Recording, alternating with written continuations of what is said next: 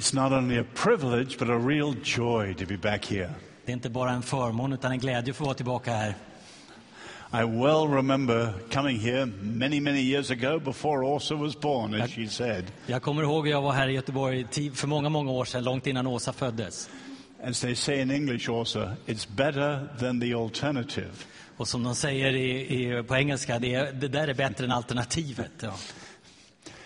Not long ago, I was reading a magazine, För inte så länge sedan läste jag en tidskrift. and the author said, We are in the grand age of apologetics. Och författaren sa, vi är i den stora tidsåldern av apologetik, försvar av tron. And I was surprised because he wasn't a Christian, Och jag var förvånad för han var inte kristen. but he was talking about the new social media Men han talade om de nya sociala medierna and things like Facebook. och saker som Facebook. So he was making the point that today, many, many people are presenting the daily me. Han påpekade att idag så är det många som presenterar sitt dagliga jag. Presenting themselves, defending themselves, selling themselves. Berättar om sig själv, säljer sig själv, försvarar sig själv. But of course, as followers of Jesus, we've been in the real apologetics from the beginning. Men som efterföljare till Jesus Kristus har vi sysslat med apologetik ända från början. But I want to start tonight by looking at some of the challenges facing the church. Men jag vill börja i- ikväll med att tala om några av de utmaningar som församlingarna och kyrkan ställs inför. A few years ago, my friend Dick, who's with me here, we were in Shanghai. För några år sedan var min vän Dick som är med här i, idag, vi var i Shanghai. And we were at the China's CEO forum. Och vi var på en samling för verkställande direktörer. Fascinating day with about 300 Marxist CEOs. Det var en fascinerande dag med ungefär 300 marxistiska verkställande direktörer. And at the end of the day, we walked back to the lecture hall from the banquet, Och på kvällen, på den tredje dagen, så gick vi tillbaks från eh, banketten som hade varit. and the dean of the business school said, May I ask you a question I wouldn't ask in public? Och, och rektorn sa till oss, kan jag få fråga, ställa en fråga som jag inte vågade ställa offentligt? He said, What am I missing? Vad är det som jag eh, missar, säger han. We in China are fascinated with the Christian roots of the Western past. Vi här i Kina, vi är helt fascinerade av västerlandets kristna rötter. For the sake of China's future. Och det handlar om hur, hur vi kan förstå det när det gäller Kinas framtid. But you in the West are cutting off your Christian roots. Men ni i väst håller ju på att skära av era rötter. He said, What am I missing? Vad är det jag inte förstår? He's not missing anything, sadly. Och tyvärr så är det så att han inte missar någonting alls. The Western world today is a cut flower civilization. Den västerländska civilisationen är som en blomma som man har plockat och skurit loss. The Christian roots have been cut, but Don't- much of the beauty still somewhat remains. De kristna rötterna har klippts av, men det vackra finns fortfarande kvar. Or to put it another way, it's often said that we are facing a post Christian West Eller för att säga på ett annat sätt, vi möter en efterkristen västvärld. and we're facing a post Western Christian church. Men vi möter en eftervästerländsk kristen kyrka. Now, this is an exciting, challenging moment for followers of Jesus. Och för de som följer Jesus Kristus är det här en fantastiskt spännande tidpunkt. And I want to just set out a number of the challenges that we're facing today. Och jag vill påpeka några av de utmaningar som vi ställs inför idag. Of course, there are many opportunities, Det finns också många möjligheter förstås. but I believe in facing up to the challenges first so that we're realistic about what we're facing. Men jag tror att vi först måste ställa oss inför utmaningarna så att vi blir realistiska. First of all, För det första, we need to wrestle with the big cultural transformations of our age. vi måste brottas med de stora kulturella förändringarna som är i vår tid. At the heart of the modern world is change. I hjärtat på den moderna tiden finns förändring. And because of that, there's a good deal of hype and empty claims. Och därför så är det många som talar stora ord och säger mycket utan att ha innehåll. People want to sell us things or they want to sell themselves. Människor vill sälja oss saker eller de vill sälja sig själva. So they tell you this is a watershed moment, etc., etc. Och de, de säger såna saker som att det här är, vi är en korsväg, det här är ett viktigt val. And we should never be taken in by hype. Och vi ska aldrig låta oss luras av det här uppvispade. But there are some big, big changes that we really need to understand and wrestle with. Men det finns många stora, verkligt stora frågor som vi måste se och brottas med. The first is something that's touching almost the whole world. Det första är någonting som berör nästan hela världen. The shift from an industrial age to the information age. Förändringen från en industriell period till en informationsperiod. It's often summed up in one word as globalization. Och ofta använder vi ett ord för att förklara det, globaliseringen. Economists tend to think that globalization is the spread of market capitalism. Eh, Ekonomer de tycks tro att globaliseringen det är hur man sprider marknadsekonomin. But globalization is really spread by information technology. Men globaliseringen sprids egentligen genom informationsteknologin. In English, we call it the three S forces På engelska säger man de tre S-krafterna.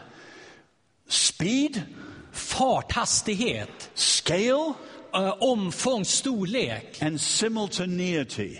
och eh, samtidighet eller simultanitet. Modern communications at the speed of light, instant. Modern kommunikation med ljusets hastighet på en gång. Potentially now with the entire world. Och potentiellt i hela världen samtidigt. And of course, potentially with the entire world at the same time. Och, och när det sker i hela världen så kan man nå alla på en gång.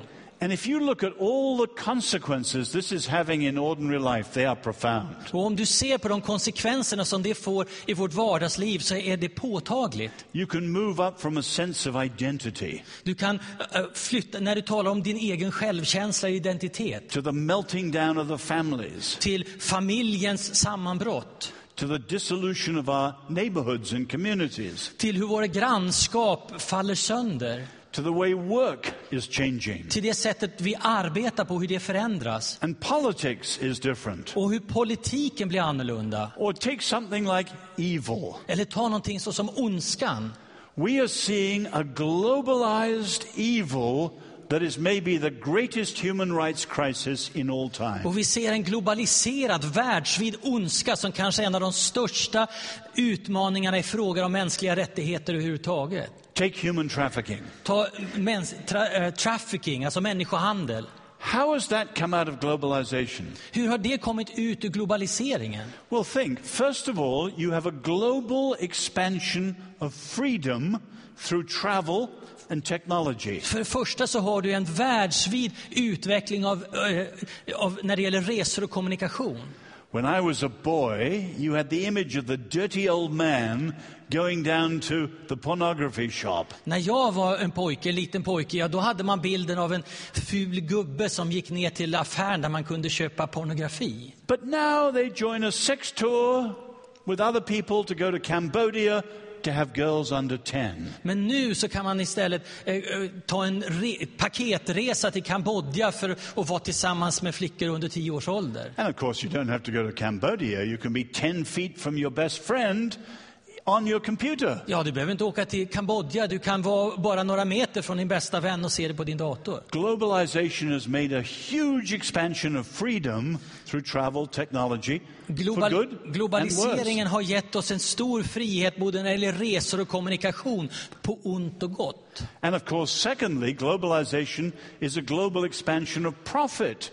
Och för det andra så är ju globaliseringen också en möjlighet att göra vinst. So the profit now in things like sex trafficking makes the mafia look like a small business. Så vinsten ekonomiskt man kan göra med, med människohandel får ju maffian att se ut som en små, små, småhandlare.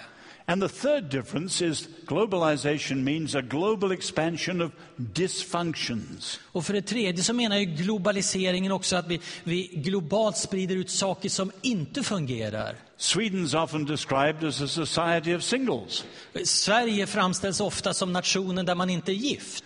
But the flip side of that is all the loners in our world. Så baksidan av det är ju alla de ensamma människor som finns i världen. And many of them lonely, confused, and longing for things. Och de som är ensamma och känner sig övergivna och längtar efter saker. And people with those dysfunctions, of course, are open to the perverse things that globalization Och de som är ensamma på det sättet är ju öppna för de perversiteter som den här nya, som erbjuds på ett nytt sätt. You could give a lot of other examples. Du skulle kunna ge många andra exempel. But globalization has had a profound effect on humanity. Men, men globaliseringen har haft en djupgående inverkan på And mänskligheten. of course, that means on us and the people we're trying to reach for our Lord. Och det betyder också att det har en inverkan på oss och på de människor vi försöker nå med evangeliet om Jesus Kristus. Or take a second grand shift. Ta ett annat, det andra stora förändringen.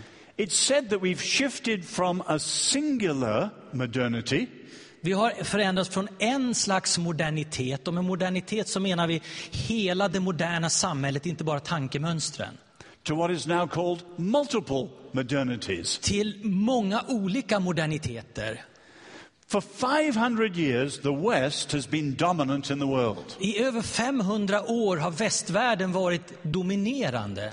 And whatever country was dominant in the West only had other rivals in the West. Och det landet som, den nation som var dominerande i väst hade bara andra västerländska länder att konkurrera med. But the age of Western dominance is over. Men tiden för västvärldens dominans är över. And it's now said we're in a world of multiple modernities, different ways of being modern. Och nu möter vi istället många olika slags moderniteter, olika sätt att, att uttrycka modernitet. So you've got a European modernity and you've got an American modernity. Så vi har en europeisk modernitet och en amerikansk modernitet. And you've got an Asian modernity. Och du har en asiatisk modernitet. In other words, different parts of the world with their own history and their own culture can adapt to modernity in their own way. Så olika delar av världen med sin eh, egen kultur och med sin egen historia kan anpassa sig till moderniteten på olika sätt.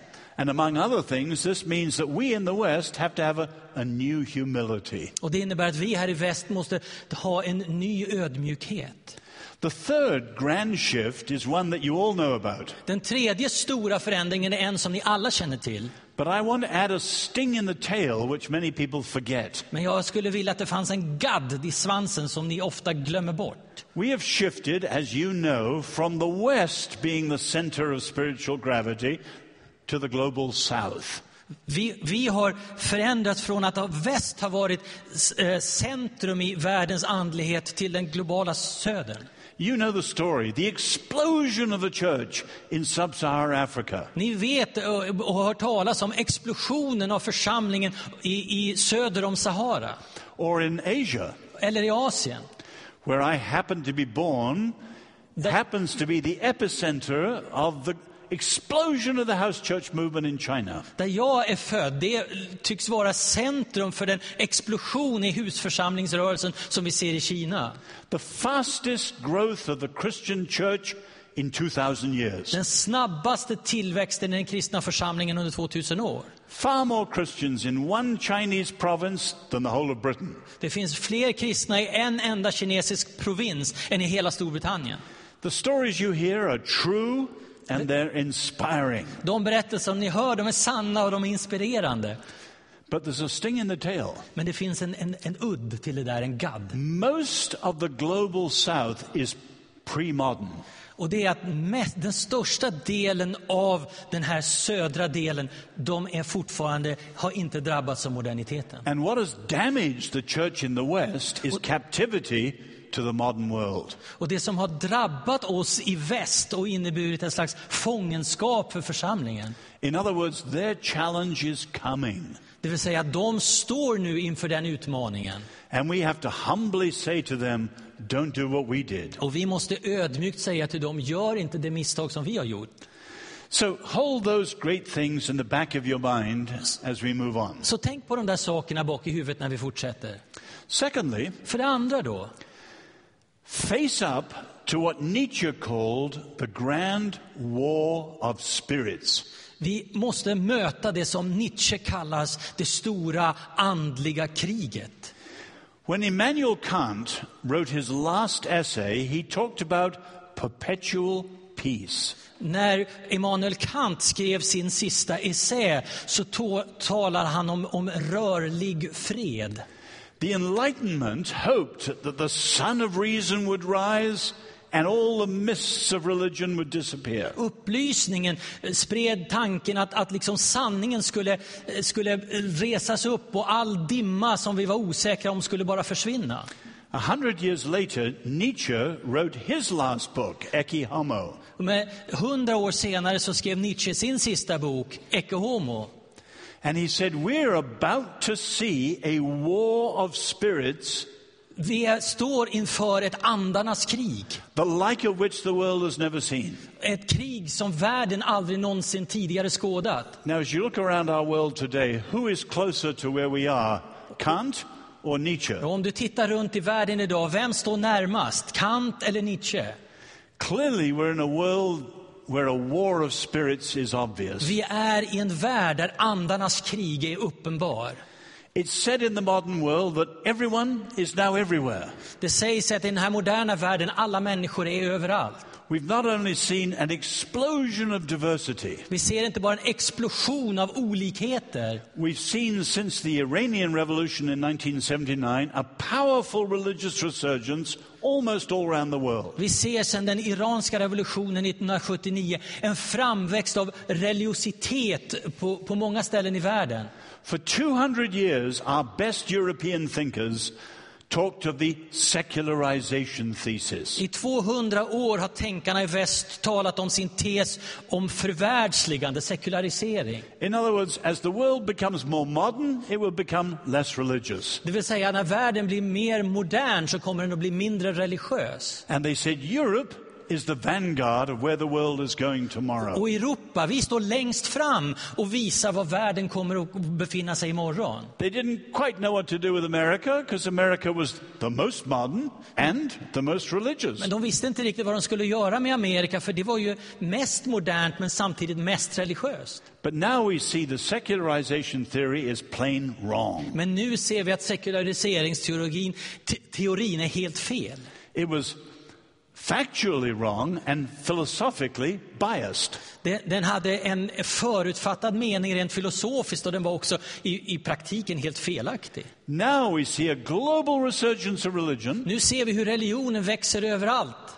And America is in line with most of the world. Och USA har liksom linjerat sig eller kommit tillsammans med resten av världen. There are only two exceptions. Det finns bara två undantag. The geographical exception is Europe. Det geografiska undantaget är Europa And of course, the social exception are the educated classes. och den, det sociala undantaget det är de utbildade grupperna. But now we are aware of all those others as never before. Men nu är vi medvetna om alla de där andra som aldrig tidigare. And it's not just little private religious preferences. Och det är inte bara såna här privata religiösa eh, förutsättningar eller övertygelser vi har. But we've got entire world views and entire ways of life. Utan vi har världsbilder och sätt att leva som finns, hela paket liksom. elbow to elbow with other entire worldviews and ways of life, Och de är armbåge, sida vid sida med andra syner och andra förståelser. and all in the same society. Och alla i samma samhälle. And so you can see in this world a war of spirits, Så du kan se i den här tiden i vår värld andarnas krig. especially in the public squares of our world where many of these issues are being debated and fought out. Speciellt i den offentliga arenan där de här frågorna debatteras och proklameras. Now, to be in that world of a war of spirits, what do you need? Att, att finnas i den här världen med andarnas krig, vad behöver du? First, we need a reliance on our Lord supernaturally. För det första, vi behöver förtrösta oss på vår övernaturliga Herre. And let's be honest, many of us as Western Christians are more secular than we realize. Och låt oss erkänna det, många av oss västerländska kristna är mer förvärldsligande Of course, än we, andra. we believe in prayer and words like the supernatural, Vi tror på bön och vi talar om det övernaturliga. but we don't see them operating like the early church did vi- or like the Chinese church is doing today. Men vi ser det inte i funktion som vi läser om i den tidiga församlingen eller som vi hör om i Kina idag. Many Western Christians are functional atheists. Många västerländska kristna är i praktiken ateister.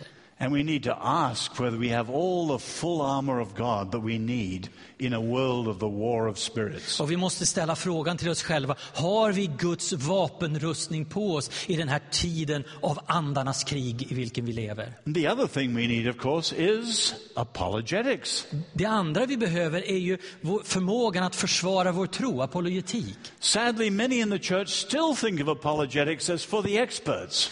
Tyvärr är det många i kyrkan som fortfarande tror att apologetik det är till för experterna. But of course, in the New Testament, it's for every Christian. Men i Nya Testamentet är det för alla kristna. So when the Apostle Peter says, Be always ready to give a reason for the hope that's within you, Så när aposteln Petrus skriver var alltid redo att ge er skäl för det hopp som bor i er. The Greek word reason is an apologia, your wonderful name. Ja, så, så det grekiska ordet som används och översätts med skäl, det är ordet apologia, det som ni använder här. We English are terrible at other languages, so are the Americans. Vi engelsmän, vi är inte alls bra på andra språk än vårt eget, det gäller amerikaner med. You're much better as Swedes, as multilingual and so on. Och ni svenskar, ni är flerspråkiga och är mycket duktigare på det där. But in the same way, we're in a world of many languages, of faiths and ideologies. Men vi, på samma sätt är vi en värld med många trons språk och ideologier. And you need to be skilled apology. It's a Buddhist. Well, he's a humanist. Och vi måste lära oss att kunna prata till och med en buddhist eller en humanist. So we know how to understand the language of all these different worldviews. Så vi lär oss att förstå språket som gäller i de här olika världsbilderna. And then, of course, relate our faith in Christ to people from wherever they come from. Och så ha förmågan att kunna rela- relatera vår tro till den situationen i vilken de här människorna står. On to a third big challenge. Och så till den tredje stora utmaningen. Face up to the dangerous distortions of the modern world on faith. Vi måste ställa oss inför den farliga eh, sättet som tron förvrids i den moderna världen. The modern world has done more damage to faith than all the persecutors in history. Den moderna världen har skadat tron mer än all förföljelse i kyrkans historia. You can look at the persecutions of Nero and Diocletian, Du kan titta på eh, förföljelser under Nero Diocletianus, heter han så? or modern persecutions like Mao Zedong and Stalin. Eh, Eller förföljelser under Stalin och Mao Zedong. But the modern world has done more damage than all of those put together. Men om man sammanför alla dem så har moderniteten gjort mer skada på tron än dem. What do I mean? The modern world distorts us by misshaping us in various ways. Den moderna världen förvränger oss genom att ändra formen på det som vi står för. Let me give you two examples. Låt mig ge dig två exempel. First, the modern world shifts us from an integrated faith to a fragmented faith. Den moderna världen den tar oss ifrån tanken på en hel och sammanfogad kristen tro till någonting som är i fragment och delar. The two great biblical faiths, Judaism and the Christian faith, both require integration. De två stora tron som vi ser i Bibeln, judendom och kristendom, kräver båda integration och sammanfogning. Jews are supposed to integrate their faith under the Torah. Judarna ska integrera tron under Toran Christians, we integrate our faith under the lordship of Jesus. och vi gör det under Jesu Kristi herravälde. But that's much, much harder in the modern world than in the pre modern world. Men det är mycket svårare i den moderna världen i- än i världen innan, i tiden innan. Presumably, most of you live in a big city like Göteborg. De flesta av er antar jag lever i stora städer som till exempel här i Göteborg. But equally, most of us have grandparents or great grandparents who came from small villages and small towns. Men vi har eh, farfars far eller farfar eller morfar som kommer från små samhällen och byar. I lived for five years in a small Swiss village of 200 people. Jag levde under fem år i en liten schweizisk by med 200 människor. A rumor could go round in 20 minutes. 20 minuter kunde ryktet spridas i hela byn. It was very easy to live an integrated faith in a small village like that. Och det var väldigt lätt att leva en- med en, en hel tro i ett sånt sammanhang. But think of the rise of the big modern cities. Men tänk på framväxten av de stora moderna städerna. Social scientists call the process differentiation. Och, och eh, de sociala vetenskaperna kallar det här för differentiering. In other words, our modern cities throw all sorts of different spheres of life. I de här städerna så finns det många olika sfärer som berör livet. My wife grew up in Los Angeles. Min fru växte upp i Los Angeles. Many Christians drive 75 miles to church Det finns kristna som, som reser flera mil till kyrkan and think nothing of driving 100 miles to work. och har inga som helst problem att kanske resa fem eller tio mil till jobbet. But the effect is your life is strung out all over the place. Men effekten av det är att ditt liv det finns på många olika ställen.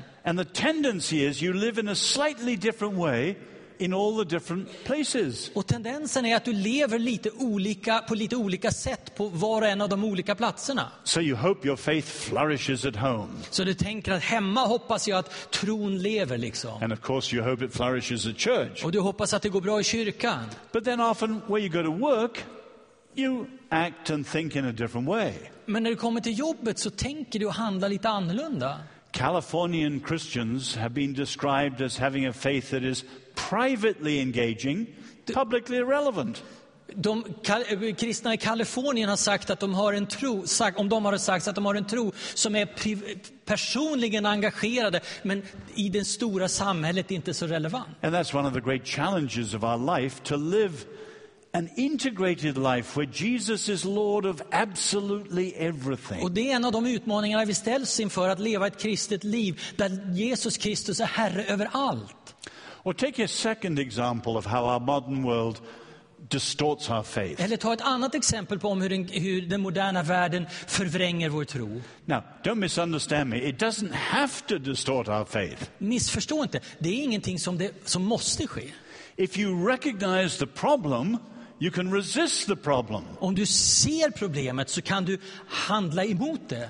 But most Christians don't recognize the shaping of our modern world. Men många kristna ser inte de krafter som formar den värld vi lever i. So they're shaped by it without their being aware of it. Så de låter världen forma dem utan att de är medvetna om det. Take a second example. Ta ett annat exempel då. The modern world tends to shift us from authority to preference. Den moderna världen får oss att förändras från auktoritet till det vi föredrar. A major factor here is our world of consumerism. Och här handlar det om den här att vi är konsumenter. Everything today is a matter of choice. Allt vi har idag är val. And we go into our supermarkets and we have 50 cereals on offer. När vi går in på, på, på, i våra ICA-butiker eller så, vi har 50 olika cornflakespaket. There's no right or wrong cereal. It's all a matter of choice and Det preference. finns inga cornflakes som är rätt eller fel. Det är bara vad jag tycker om. So we have people talking about the church of my choice. Och så börjar vi tala om den församlingen och kyrkan som passar mig. And in parts of the world, you see Christians going around like shoppers. Och så ser du i vissa delar av världen hur kristna de går runt som konsumenter, som shoppare. I don't like the preacher, he's too long or too short. Jag gillar inte den där predikanten, han talar för länge eller han talar för kort. I don't like the music, it's too traditional or it's too contemporary. Jag, jag gillar inte musiken, det är för modernt eller det är för gammaldags. and eventually, this idea everything's a matter of choice and preference and what you pick. Och till slut så är det vad du väljer, vad du gillar. And that creeps into our relationships and certainly into our faith. Och det, det kryper in i våra relationer och till slut i djupet också av vår tro. You can see this in the Catholic Church. Du kan se det här i den katolska kyrkan. In America, in the last three presidential elections, I, i, I USA, i de tre senaste presidentvalen, the Catholic Church has been embarrassed by having politicians who are Catholics but pro choice Så ser and ni in att- favor of abortion. så ser ni att det har varit politiker som har varit katoliker men ändå i sina politiska ställningstaganden har varit för abort, fri abort. In other words, they thumbed their nose at the authority of the church. It was just a preference for them. Att vara katolik det är bara någonting man kallar sig för men man väljer att stå för något annat. We have the same problem now in evangelicalism in a different way. Och vi har samma problem med den evangelikala kyrkan fast på ett annat sätt. In the English speaking world, never have evangelicals had views of Scripture that were higher, sharper, and clearer. Aldrig tidigare har evangelikala kristna haft sin syn på Bibeln som varit tydligare, klarare och mer utmejslade. But while the views of the Scripture's authority are strong, Men, men medan synen på Bibeln är stark Christian behavior on the ground is absolutely chaotic. så är det sättet man lever på i vardagslivet kaotiskt. You can virtually find any sort of lifestyle and behavior you like being justified by some Christian in the name of freedom. Och du kan nästan hitta vad som helst och hur du, som helst du lever och det finns någon kristen ledare som försvarar det i frihetens namn. In other words, the faith has shifted from authority to preference. Det vill säga att tron har förskjutits från att se auktoritet till det jag gillar, till preferens. One man said to me recently, Hell? Hell no. En man sa till mig nyligen, helvetet, nej för helvete. And almost like a smorgasbord. Allt är nästan som ett smörgåsbord. You like this, you don't like that, well, just pass down the line. Ja, jag gillar inte det, jag går förbi, jag tar det där istället. Of course, every Christian wants a good helping of love on your plate. Och alla kristna, vi vill ha en stor portion kärlek på vår tallrik. Va? But something uncomfortable, a hard saying like hell? Men något som är svårt och jobbigt, något som helvete, nej. Karl Barth used to describe biblical authority as having a binding address. Karl Barth brukade beskriva biblisk auktoritet som att vara bunden.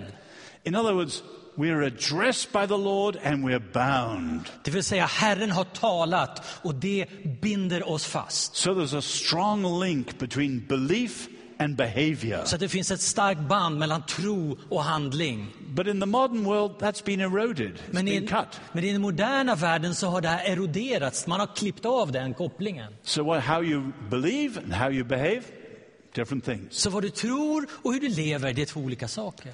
So those are just two examples, but you can see, if I make a generalization, Det här är bara två olika saker, men du kan se om jag gör en generalisering.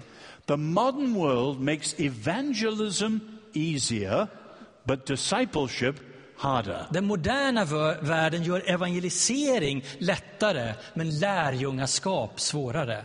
Modern people have been described as conversion prone. Moderna människor, de talar gärna om frälsning och omvändelse.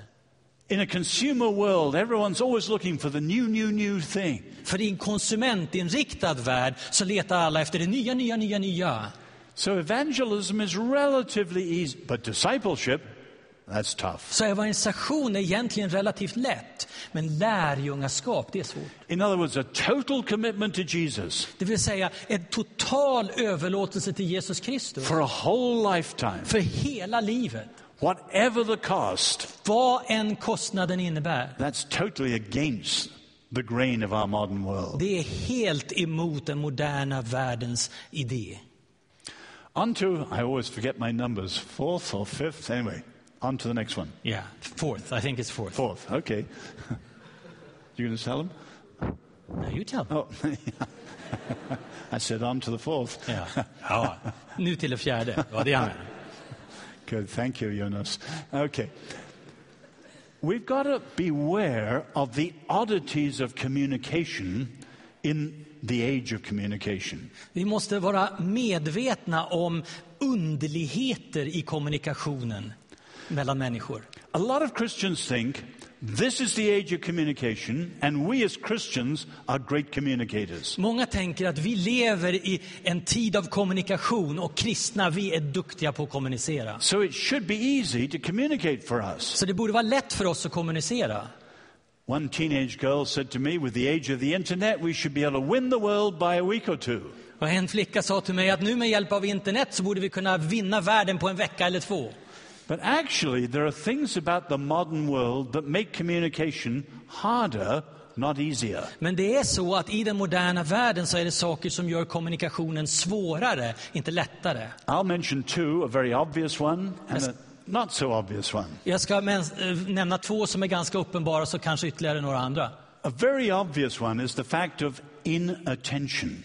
Det första som är uppenbart det är ju det att det är svårt att få människors uppmärksamhet.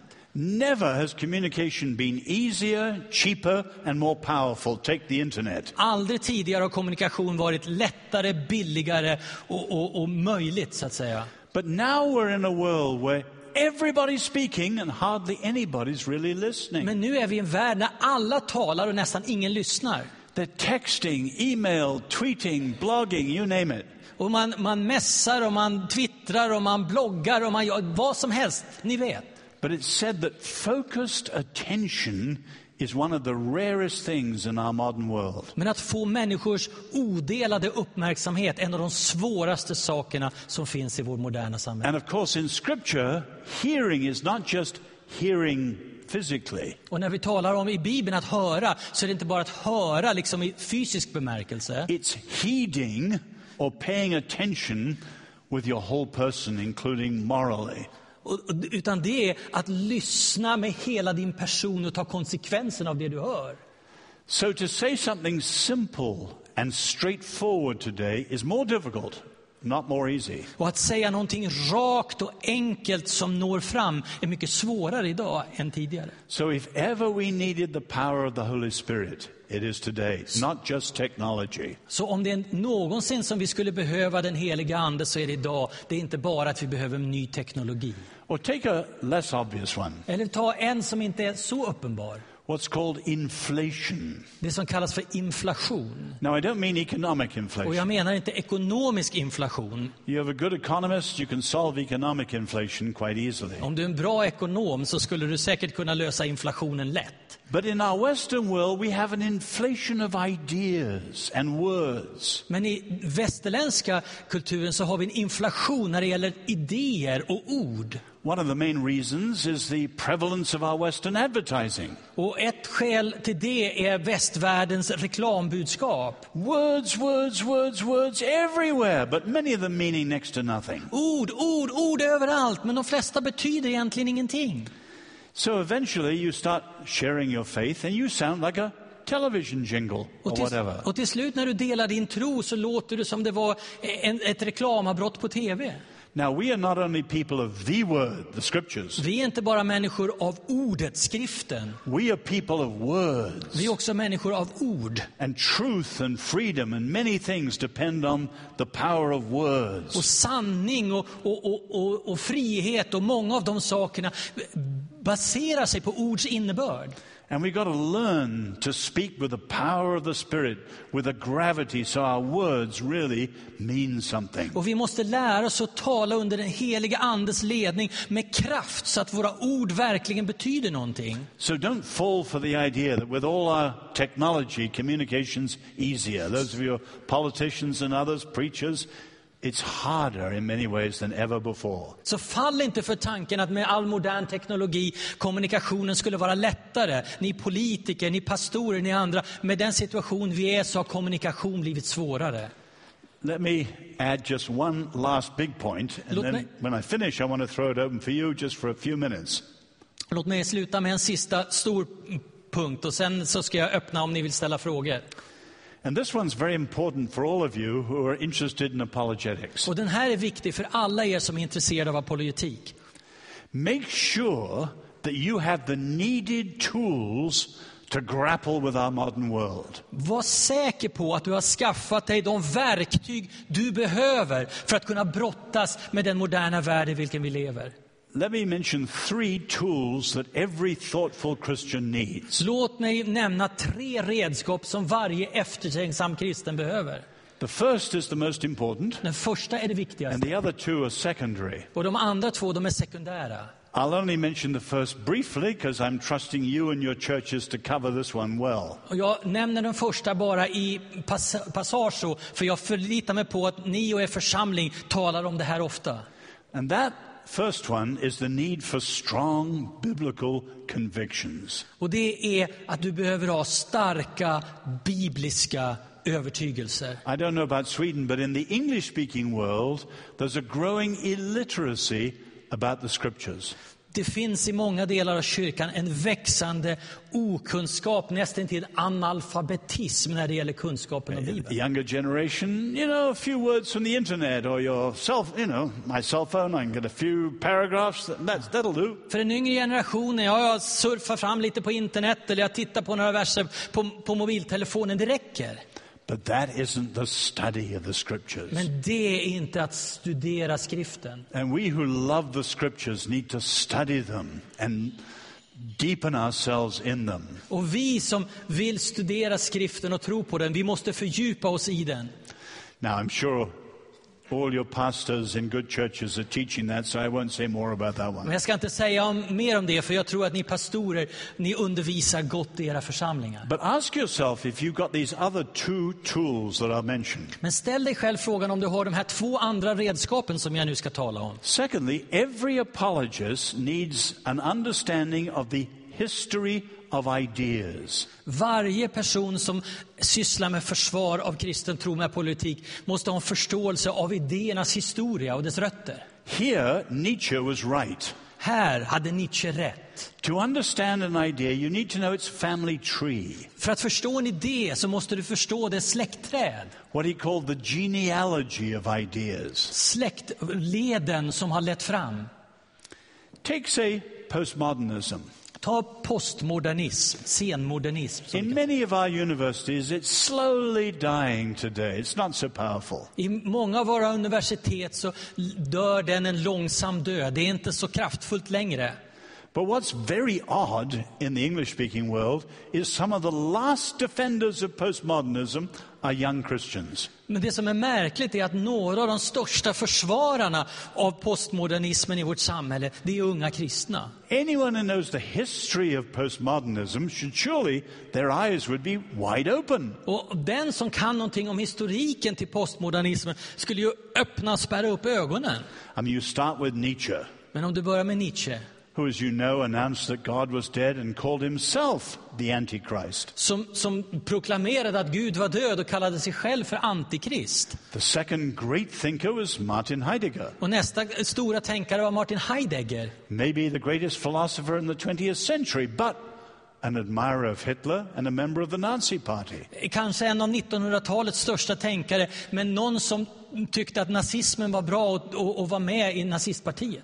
The third great milestone was 1960s France, with people like Michel Foucault and Jacques Derrida. Och, och nästa steg är då 60-talets Frankrike, Frankrike med Foucault och Diderrida som filosofer. But their number included a gentleman called Pol Pot, Men- who was later in the killing fields of Cambodia. Men i deras krets fanns också en som hette Pol Pot som senare orkestrerade dödens fält i Kambodja. So by the time it hit many of the other universities in the 1980s, you'd think people would go, Så, att ni skulle, så vi skulle tänka att när de här idéerna drabbade många andra universitet på 80-talet så skulle flera reagera och säga hoppsan, det här kanske vi borde titta på lite mer utförligt. Och några av de sista som förstod det här var de evangelikala kristna. And when almost everyone else has given it up, Och när näst- still believing it. Och när nästan alla andra har, har gett upp de här tankarna så tror de fortfarande på det.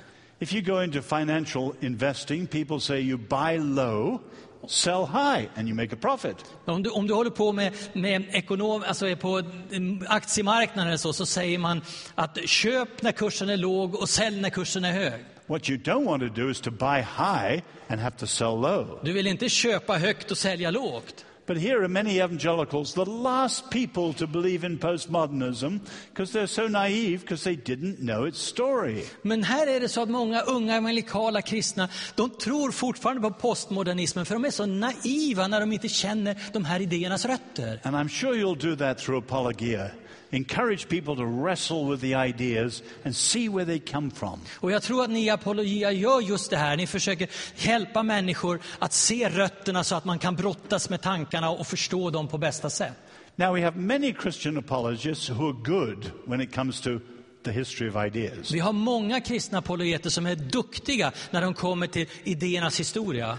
But I want to mention the third tool, which is the least understood. Men jag skulle vilja nämna det tredje redskapet som är det minst förstådda. And that's what you might describe as cultural analysis. Och det skulle vi kunna kalla för en analys av den kultur i vilken du lever. Not looking at ideas, In, inte idéerna, but looking at all the other things in our world which shape us. utan titta på alla de andra sakerna i den värld vi lever som formar oss. And often shape us in our thinking without any thinker being around us. Och som formar vårt tänkande utan att det är några filosofer eller tänkare som påverkar oss. History of ideas works downwards. Historien av idéerna arbetar neråt. You have a thinker, Du har en tänkare and then his thoughts and his books and his writings, och så hans tankar och böcker och det han har skrivit. and then the impact on ordinary people. Och sen hur det drabbar och påverkar vanliga människor. Francis Schaeffer used to say, How ideas wash down in the rain. Francis Schaeffer, den kristna apologeten, han brukar säga hur idéer sköljs ner med regnet.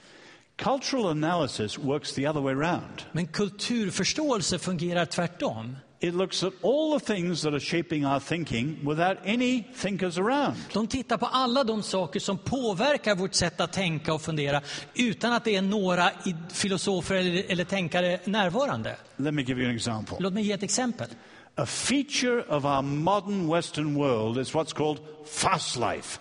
Ett kännetecken på det, den moderna världen är livet i den snabba filen, snabbt. Va? In English, we talk about 24 7 pressure. Det att le- att leva under trycket av 24-7, 24 timmar, sju dagar i veckan. Business people talk of business at the speed of light. Och affärsmänniskor de talar business med ljusets hastighet. Now we have war at warp speed, and so on. och nu talar man om krig i warpfart, säger vi så. No other civilization in history has lived at the speed at which we live. Ingen annan civilisation har levt med den hastighet som vi lever, det tempo. I was telling the story of uh, my wife was at a dinner in Washington a few weeks ago, Min fru var på en middag i Washington för några veckor sedan. and one of the people there was one of the managers of one of the political campaigns. Och en som var där var en av dem som eh, var ledare för en av de politiska kampanjerna. And between grace at the beginning of the meal and the dessert at the end of the meal, Och mellan bordsbönen innan maten och efterrätten i slutet på middagen this man had 500 emails. så hade den här mannen fått ta emot 500 mejl. It's just one example. Life is fired at us point blank. Det är som om livet skjuter skarpt på oss. Now, if you take that serious, fast life, this is our modern world. Where does it come from? Om du säger, så, så måste du ställa frågan, var kommer det här ifrån? Can any of you good apologists think of the philosopher who shaped our fast life? Kan ni tänka ut någon filosof eller tänkare som har format detta snabba liv? I'm glad most of you are looking blank Det är bra att ni bara inte har något i blicken. because there's no philosopher behind it. För det finns ingen filosof bakom det här. But where does it come from? Men var kommer det ifrån då? Now, the clock was invented in 1300 in Europe. Klockan, den uppfanns på 1300-talet i Europa. And in the 19th century, it was industrialized, and the whole world began to be coordinated by Och på, clocks. och på 1800-talet började man industriellt tillverka den och alla fick tid. And now, of course, digitized, and we have nanoseconds. Och nu har den digitaliserats så vi har fått nanosekunder. In England, the old way of saying fast was the blink of an eye. Förr i England så sa man att snabbt, det var ögonblickligen så. Now, with modern measurements, a blink of an eye is 500 million nanoseconds Men nu of, med- of a nanosecond. Men, men nu med det nya sättet att mäta så är en ögonblick, det är 500 miljoner nanosekunder. In other words, very slow. Inte så fort va? Now, you can understand the Africans are right when they say all Westerners have watches, Afrikanerna har rätt när de säger att alla västerlänningar har klockor. Africans have time. Men vi har tid. Now, you could say the same thing about cell Du phones. kan säga samma saker om mobiltelefoner. Cell phones have changed our view of presence?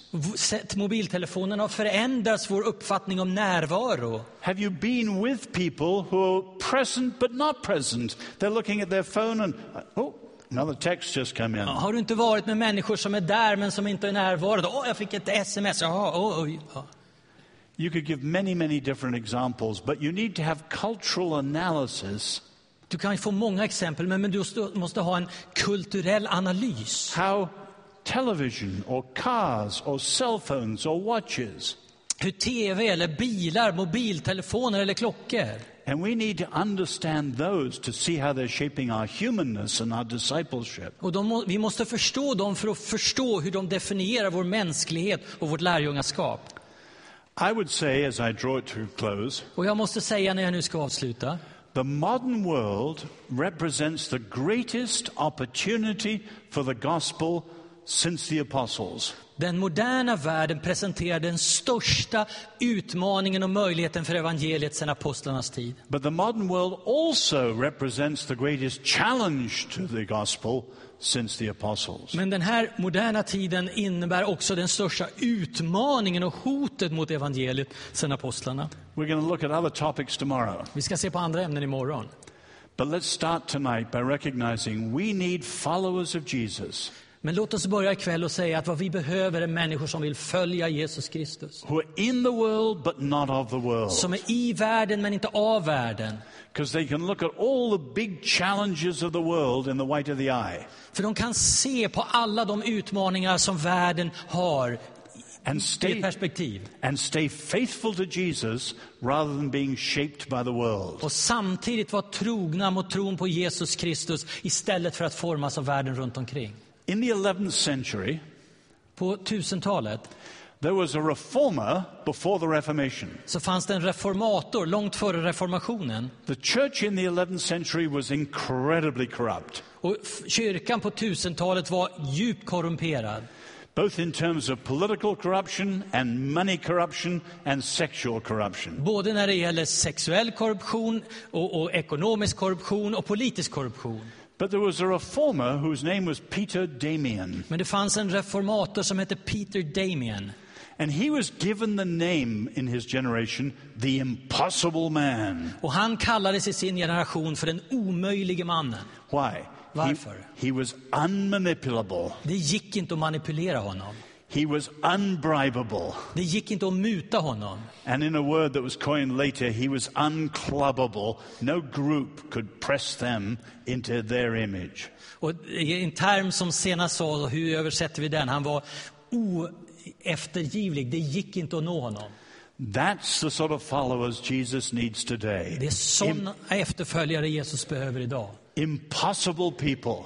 Omöjliga människor. The world can put all sorts of pressures on us, kan, världen kan sätta vilka olika slags tryck på oss som helst. but we will remain faithful to Jesus, whatever. Men vi står trogna Jesus Kristus vad som än händer.